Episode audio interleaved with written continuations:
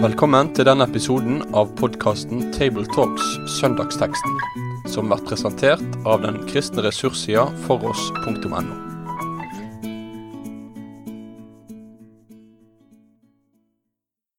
Da er det Rogalandsgruppa som igjen ønsker velkommen til en ny episode i Tabletalks. Eh, og eh, I dag så er det altså fjerde søndag i advent, og teksten den er henta fra Lukasevangeliet kapittel 1 vers 46 til vers 55. Eh, I dag så er Sofie Braut dessverre ikke med, så det er bare Øyvind Solheim og meg. Men nå får oss lese, og så får oss dele de tanker som vi ser over det sammen med dere. Vær så god, Øyvind, da skal du få lese teksten for dagen. Da sa Maria, Min sjel opphøyer Herren, og min ånd fryder seg i Gud min frelser. For han har sett til sin tjenestekvinne i hennes fattigdom. Og se, fra nå av skal alle slekter prise meg salig. For store ting har han gjort mot meg, han den mektige, hellig er hans navn. Fra slekt til slekt varer hans miskunn over dem som frykter ham. Han gjorde storverk med sin sterke arm, han spredte dem som bar hovmodstanker i hjertet. Han støtte herskere ned fra tronen og løftet opp de lave. Han mettet de sultne med gode gaver, men sendte de rike tomhendte fra seg. Han tok seg av Israel sin tjener og husket, og husket på sin miskunn slik han lovet våre fedre Abraham og hans ett til evig tid. Takk, Herre, for denne fantastiske lovsangen. Vi vil lovprise deg og ber om en fin samtale over denne flotte lovsangen. Amen. Ja, eh, da har vi altså hørt de eh, versene som eh, blir kalt for Marias sin lovsang. Nå er dette noen vers som er kjente og mye brukt i kirkens historie. Øyvind, har du noe litt oversikt over egentlig hva, hva som ligger der? Nei, Det er iallfall en lovsang som er veldig godt kjent, særlig i en del store kirkesamfunn, og brukt mye i gudstjeneste og bønneliv og går mye under det latinske navnet magnificat. De første ordene i den latinske oversettelsen av denne lovsangen. Eh, og sånn sett er i enkelte kristne miljøer like kjent som Fader vår, og, på en måte på innsiden av folks bevissthet. Og den har jo utløst og inspirert til store musikkverk, eh, men også i luthersk sammenheng, som Johan Sebastian Bach f.eks men også til musikere som Ervo Pert, som har laga flotte musikkstykker inspirert av denne flotte lovsangen. Ja, og nå er det disse ordene fra Maria da, som er siste eh, teksten vår, så før oss går inn i, i jula eh, og, og selve julefeiringa. Eh, nå er det på en måte en forhistorie her, før oss får høre disse ordene fra Maria og hennes takk og lovsang. Eh, og den er knytta til eh, noe som eh, både Maria opplevde i Nasaret, og også ei reise som hun foretok før og da til slutt reiste til Betlehem i lag med Josef. Og Det første møtet kan en godt si, der er på en måte tre sånne, hvis en skal kalle det inspiratorer, eller, eller tre ulike som har vært med og, og, og, liksom lagt et forspill til før oss får denne lovsangen. Og den første som vi møter, det er nå der i, eh, litt tidligere i kapitlet. Eh, og Da møter oss eh, Maria, og der er det engelen. Engelen Gabriel, han er faktisk kalt ved navn. Og han har dette møtet med, med Maria. Der er bygd ei stor kirke over denne plassen. Alle nasjoners kirke blir den kalt. Og denne grotta som da Maria skulle ha møtt engelen Gabriel i, den er også bevart nede i sentrum av den kirka. Der får Maria høre noe som er veldig spesielt for denne unge tenåringsjenta. Eh, og det er dette som engelen eh, svarer til henne. At Maria hun er, eh, er blitt utvalgt av Gud. Og det er et, budskap som er noe veldig overraskende for henne, samtidig som det åpner på en måte en, noe nytt for Maria, og egentlig for hvert menneske. Eh, det engelen sa til henne i vers 30 f.eks.: Frykt ikke, Maria, for du har funnet nåde hjå Gud. Eh, altså Det er akkurat dette frykt ikke evangelieforkynnelsen som eh, Maria får høre som ung jente. Og så er dette ordet at hun har funnet nåde hos Gud, nåde hos Gud. Og så blir det tilføyd se du skal bli med barn og føde en sønn, og du skal gi han navnet Jesus. Det er det første møtet. Eh, men så eh, drar altså bryter Maria opp og drar sørover fra Galilea til eh, høglandet i Juda da, og der møter hun ei som på en måte er, både veldig forskjellig fra henne, men samtidig litt i samme situasjon. Kanskje du Øyvind kan gi oss et blikk av det også? Ja, altså Engelen sier jo i forlengelsen av at han har sagt dette utrolige til tenåringsjenta Maria, at hun skal bli med barn, bli gravid, uh, uten at hun har vært med en mann. Så får hun høre av engelen at men du skal vite, Maria, at uh, en slektning, Elisabeth, hun er også blitt gravid. Hun som egentlig er for gammel til å bli gravid, og hun er i sjette måned. Så du kan nær sagt dra opp til henne og, og, og, snakke med henne, og hun drar i hast, står det, eh, til fjell, opp i disse fjellbygdene der Elisabeth bor. Og det er noen dagsreiser dit. Eh, og, og, det må ha vært underlig for Maria. Hun, det står jo mye at hun grunna på og gjemte i hjertet sitt det som engelen hadde sagt. Hun har nok undra seg på dette som ble sagt. Og kanskje har hun til og med fundert på har jeg bare drømt, eller sånne ting. Men når hun kommer til Elisabeth, så ser hun at slektningen er gravid. Vi må huske det, det var ikke mobil eller sosiale medier her. altså Dette er eh, antageligvis det første møtet uten at de vet om hverandre. Og der ser hun en gravid bestemor. og så kommer hun som tenåringsjente og får på en måte en slags bekreftelse i Elisabeths reaksjon. For der skjer det noe med, med babyen i hennes mage som sparker og jubler, som utløser en lovsang hos Elisabeth. Så Maria får nok en slags bekreftelse på at dette her, så hun har opplevd med engelen, det er faktisk tilfellet.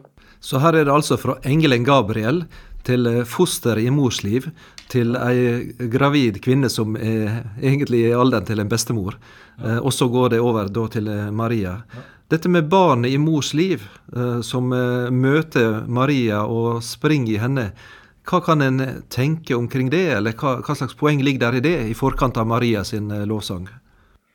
Ja, For det første så er det jo fascinerende at det er fosteret som reagerer først på når Maria kommer med sin hilsen, og som jubler, så å si danser i Elisabeth sin mage. Uh, og det, står at han ble fylt av Den hellige ånd. Så Den hellige ånd kan bevege og gjøre noe i alle aldre. Det er jo det ene. Og så sier det noe om at fosteret i mors liv, eller barnet i mors liv, er jo et menneske. Uh, og det er jo tankevekkende med tanke på, på uh, situasjonen i Norge hvor hvor barnet ikke har noe rettsvern eh, fram til tolvte uke, bl.a. Så her er det altså Den hellige ånd som taler til et, et foster som er seks måneder gammelt, mm. eh, og skaper glede over eh, det nye barnet som da ventes. Mm. Eh, og så er det ei eldre kvinne, eh, og som også blir fylt av ånden, står det her, og, og, og priser eh, med høy røst, står det her. Det, det, både Maria, det hun skal bli mor til, og den frukten det hun skal få. Mm. Dette med å forstå hvem dette barnet er, og, og det som skjer på jul. Eh, altså, Hva skal en tenke omkring dette med at ånden blir nevnt som en faktor her? Jeg tror det som på en måte uh, går Det ubegripelige som ånden må på en måte avsløre og avdekke. For dette som skjer her, er jo under til, fra under til under. Altså, det er en tenåringsjente som er jomfru, som blir gravid, og det er en ufruktbar, gammel kvinne som blir gravid. Og babyen i Marias morsliv er det blitt sagt underlige og utrolige ting om. Guds sønn, konges, eh, konge, frelser. Sånn at det, det er på en måte bare ånden som virkelig kan få det til å synke inn hos oss. For vi kan ikke begripe det med tanken. Og så er det altså denne engelen, Gabriel, og så er det denne barnet da som er døperen Johannes. Eh, som sprang i, av fryd, av glede, altså. Og så er det Elisabeth som som da priser Gud. Og så kommer Maria på banen, og da er vi over i dagens tekst, der hun eh, En kan nok tenke at det har vært eh, mye både skam og fortvilelse og kamp, og det beskriver evangeliet også med tanke på Josef og det som er med, med hennes forlovede og all denne kampen han har, alt det her. Men så ser vi at Maria blir fylt av en enorm glede og en enorm trygghet og en overbevisning eh, om det som har skjedd, og det som skal skje. Og så har hun denne eh, lovsangen sin, da, det som, som er prisen. Ja, Det virker jo som hun blir veldig overvelda av dette som møtte henne med Elisabeth og fosterfryden eller sparkingen i Elisabeth sin mage, som gjør at hun bryter ut i denne fantastiske lovsangen. Og, og hun begynner jo med å lovprise Gud for de store ting som han har gjort mot lille henne. Uh, og, og, det er jo noe som på en måte går litt igjen i lovsangen, at Gud bruker de små, de lave, og løfter de opp. Uh, han bruker en liten tenåringsjente som Maria, også en ufruktbar gammel kvinne, f.eks. Ja, og det er vel noe med dette merkelige med, med de vitner som Gud stiller på banen knytta til Jesu komme, så er det helt utenom det som er inne i samtida. og ville kanskje ha, Det er ingen stor og mektig ypperste prest eller fariseer som er høy utdannelse og aktelse og innflytelse som står fram. Men det ser ut som at det er de minst betydningsfulle, og de, de som er liksom nesten på sidelinja av det som skulle ha noe innflytelse. Eh, altså alt ifra det ufødte fosteret da, til tenåringsjenta og den, mm. den, gamle. Og i forlengelsen, da er det gjeterne på marken, mm. som også ikke sant var på sidelinja av det offisielle på ett vis. Mm. De bruker Gud. Eh, og det er vel på et vis et veldig sterkt vitnesbyrd på troverdigheten i dette. For hvis en skulle ha kommet på eller laga eller ei slik historie, så er det ikke sikkert at en ville ha valgt akkurat disse som de sterke, faste vitner. Nei, og så er det noe av det som gjør at Maria bryter ut i en slags jubel og lovsang, at, at Gud faktisk bruker de små og svake, hjelpeløse og ufruktbare. At det er et kjennetegn ved Gud. For hun lovpriser at Gud gjør det mot seg, men så fortsetter hun med å lovprise hvordan Gud har gjort dette også i hele historien. Og så munner det ut i at dette handler om Guds trofasthet at han er miskunn, miskunnelig og nådig. Nå tenker jeg på oss, å se på denne Maria sin lovsang, så er hun vel på en måte et slags mønster for oss, et forbilde, med, med tanke på en sann og ekte lovsang. Uh, der ser oss ingen tegn til at en opphøyer seg sjøl, setter sin, sin egen tru eller gjerning i, i, fokus. Men å se det hos Maria, så er det bare Herren og det er bare Gud som er sentrum, og den som gjør henne glad. Uh, det er der hun finner sin kilde til uh, frimodighet og glede. og løfter Herren opp. og nå er ikke jeg noen språkekspert her, men vi finner et ganske innholdsrikt ordforråd i Maria sin lovprisning. Ja. Ja, og, og det en, hvis en ser litt etter Det er ikke mye en skal se etter heller, før en oppdager at hun har lært så å si lovsangens språk uh, i Det gamle testamentet. Uh, i, i, de gamle salmene, i bl.a. i Hannas lovsang i 1. Samuels bok 2. Uh, og vi må huske at hun hadde ikke noen bibel sånn som i vår tid. Det var i synagogen eller der de, hun ble undervist som jente i hjemmet, at det ble videreformidla disse lovsangene og salmene fra Det gamle testamentet. Men hun har helt tydelig på en måte kommet på innsiden av det og har lært så å si lovsangens språk gjennom dette. For det er spekket av eh, uh, fra Det gamle testamentet i denne lovsangen. Og det er en veldig personlig lovsang fra Maria. Mm. Uh, og ser det både mi sjel og mi ånd og min frelser. Mm. Det er noe som, som Maria uttrykker også fra sitt eget hjerte. Det er ikke bare ei tillært remse der hun på en måte eh, repeterer, men hun gjør det til sitt eget. Mm. Uh, og så ser vi at uh, der er disse ordene der er, Jeg tror ikke oss på ei kort tid klarer å gå inn i alle begrep og ord. Men for meg så er det i vers 48 et, et, et flott uttrykk som jeg syns speiler noe av det som er Og det er også knytta til kvinnen i Det gamle testamentet. Det er der det står at fordi han har sett til sin tjenerinnes ringhet, eller sin småhet. Og dette å se til, og da eh, i tanken min så var du inne på Hanna, eh, ikke sant, som, eh, som var i tempelet og øste hjertet ut, og, og, og, Herren så til henne. Og jeg tenker på Hagar i ørkenen. Da denne konflikten kom i Abrahamsheimen, og hun ble altså kasta ut. og og Ismael dette, og der, der, er det at Herren har sett. Uh, han er den som ser. Uh, og Det er faktisk noe om Guds gjerninger for kvinnen i den gamle pakt. Uh, som Maria da vender mot sitt eget liv. Han er den som ser meg. ser min situasjon og ser mitt liv og ser det til den aller minste.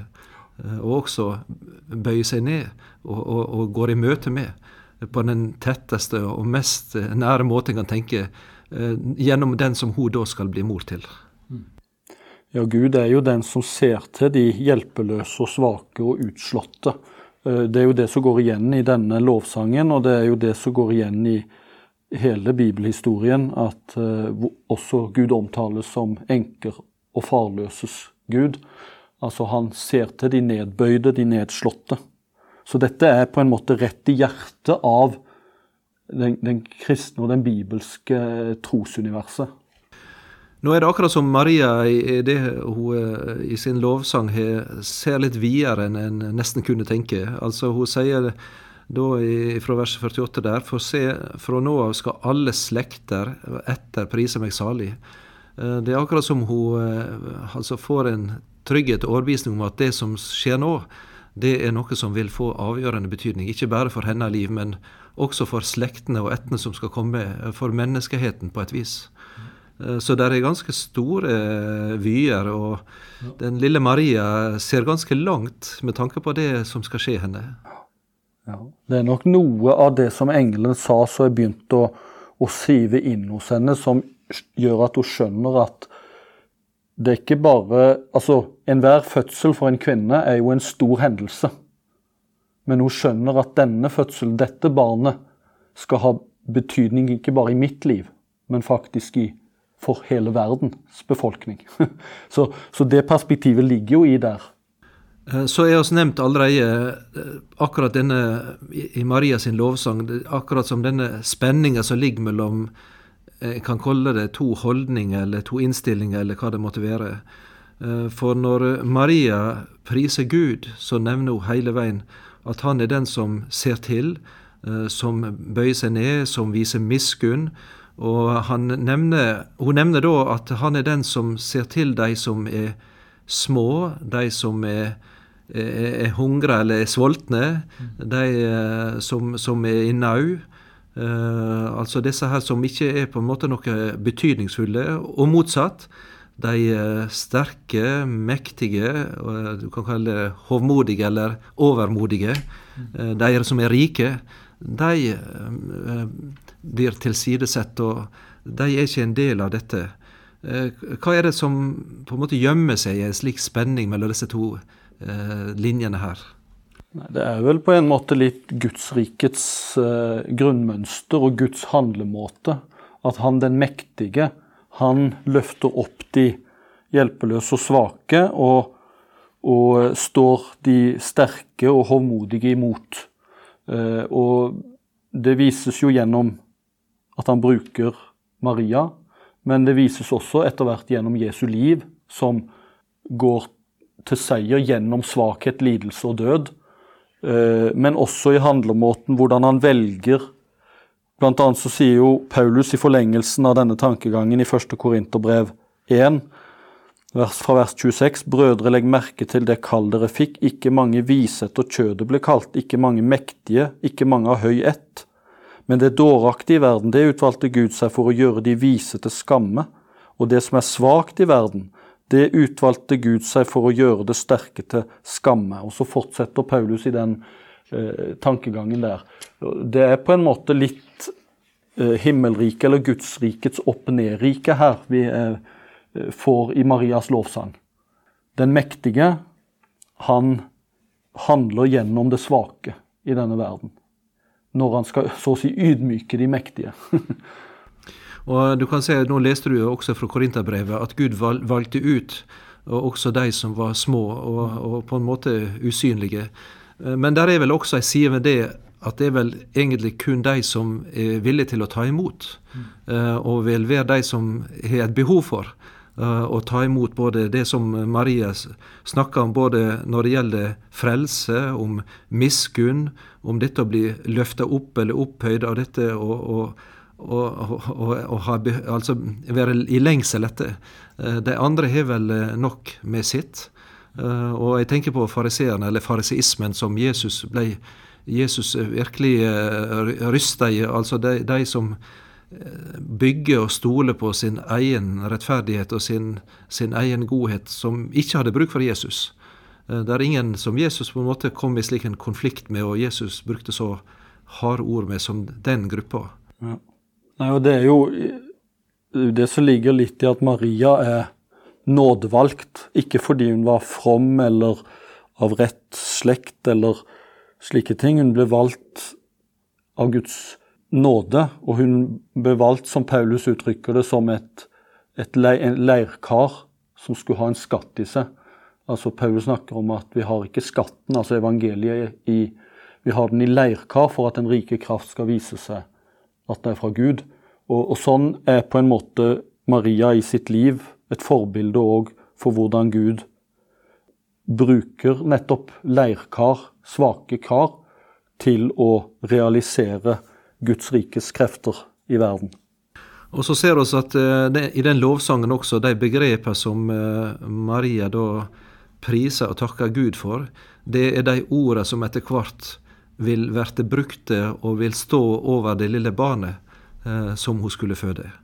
Dette med at han er Herren, han er Gud, han er Frelseren, han er den som er den miskunnsomme, han er oppfyllelsen av løftet, av pakten, og alle disse tingene som, eh, som, ligger her, det er egentlig du kan si, en beskrivelse av selve barnet som hun har i mors liv, mm. som er knytta til det.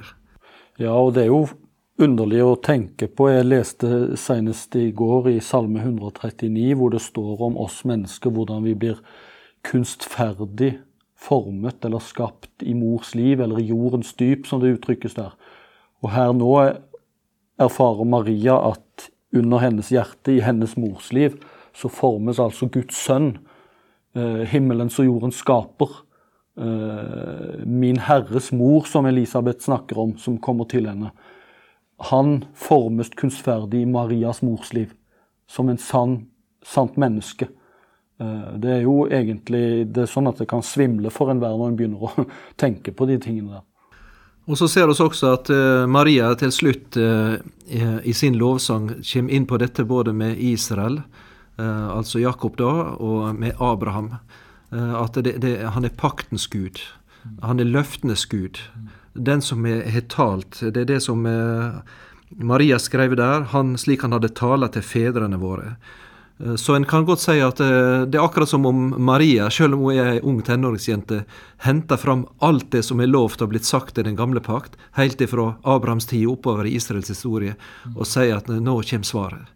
Nå er han her, han som fyller opp, og den som skal stå fram og, og, og, gå inn i dette, og være oppfyllelsen av Guds profetier og løfter til, i den gamle pakt. Ja, Gud viser seg jo som trofast. Det er jo på en måte det hun lovpriser. At gjennom det som nå skjer, så viser Gud at han, han uh, følger opp løftene sine. Han gjør det han har lovt. Og, og da forstår vi òg det som Paulus sier til Timoteus om at om vi er troløse, så forblir han trofast, for han kan ikke fornekte seg sjøl. Det er noe med at her lovpriser Maria Gud for at han etter sitt vesen er trofast. Han står inne for det han har lovt, og sånn sett så kan vi vise til hans løfter om at hans miskunnhet, om hans frelse, og si at det, du har lovt at du skal vise nåde, miskunnhet og godhet. Og så fikk Maria sjøl erfare noe av denne trofastheten og godheten sjøl. Nå er det som du nevnte helt i starten, eh, eh, vært en stor begeistring over disse Marias lovsang her. Og så vet vi det at i kirkas historie så er det på en måte bikka over, i, slik at det ikke bare er blitt en lovsang på lik linje med Maria, men det har også blitt en lovsang av Maria, og en dyrkelse av Maria i kirkens historie. Eh, hvordan kan en tenke om dette i møte med disse versene her som Maria gir ut? Er det spor av det, eller er det Ja, jeg tenker at, at Maria skal være et forbilde i måten hun lovpriser og påkaller sin Gud. Vi skal ikke påkalle eller henvende oss til Maria, men vi skal som Maria så skal vi få lovsynge Gud sånn som henne. Sånn som Eivind Skeie synger i, i, sin sang, at vi skal få synge sammen med Maria. For hun sang sammen med de gamle. Så sang Hannas lovsang f.eks., og i de gamle, så skal vi få synge med Maria og hele Guds folk. Så hun, hun er et forbilde for oss i det å lovprise eh, og lovsynge Gud. Men, men hun, hun, hun, er jo ikke valgt for sin, sin fromhet eller sin Hun er jo nådevalgt som oss. Og kanskje en der kan uh, bruke det ord som Maria sjøl fikk høre ifra engelen Gabriel, uh, og tenke på at det ikke bare er Maria som ble Jesu mor, men også er et ord til uh, hvert menneske som tar imot barnet i tru. så det, får høre det samme ord som Maria. Frykt ikke, du har funnet nåde hos Gud. Det er et ord som er knytta til dette barnet sitt komme, og som gjelder ikke bare Maria, og, og, som gjorde henne også så glad, men det kan bli ei glede for hvert menneske på jord. Eh, du har funnet nåde hos Gud, frykt ikke. Eh, ta imot eh, Jesus som kom i tru, slik Maria gjorde. Med det sier vi takk for følget for denne gang. Finn flere ressurser, og vær gjerne med å støtte oss på foross.no.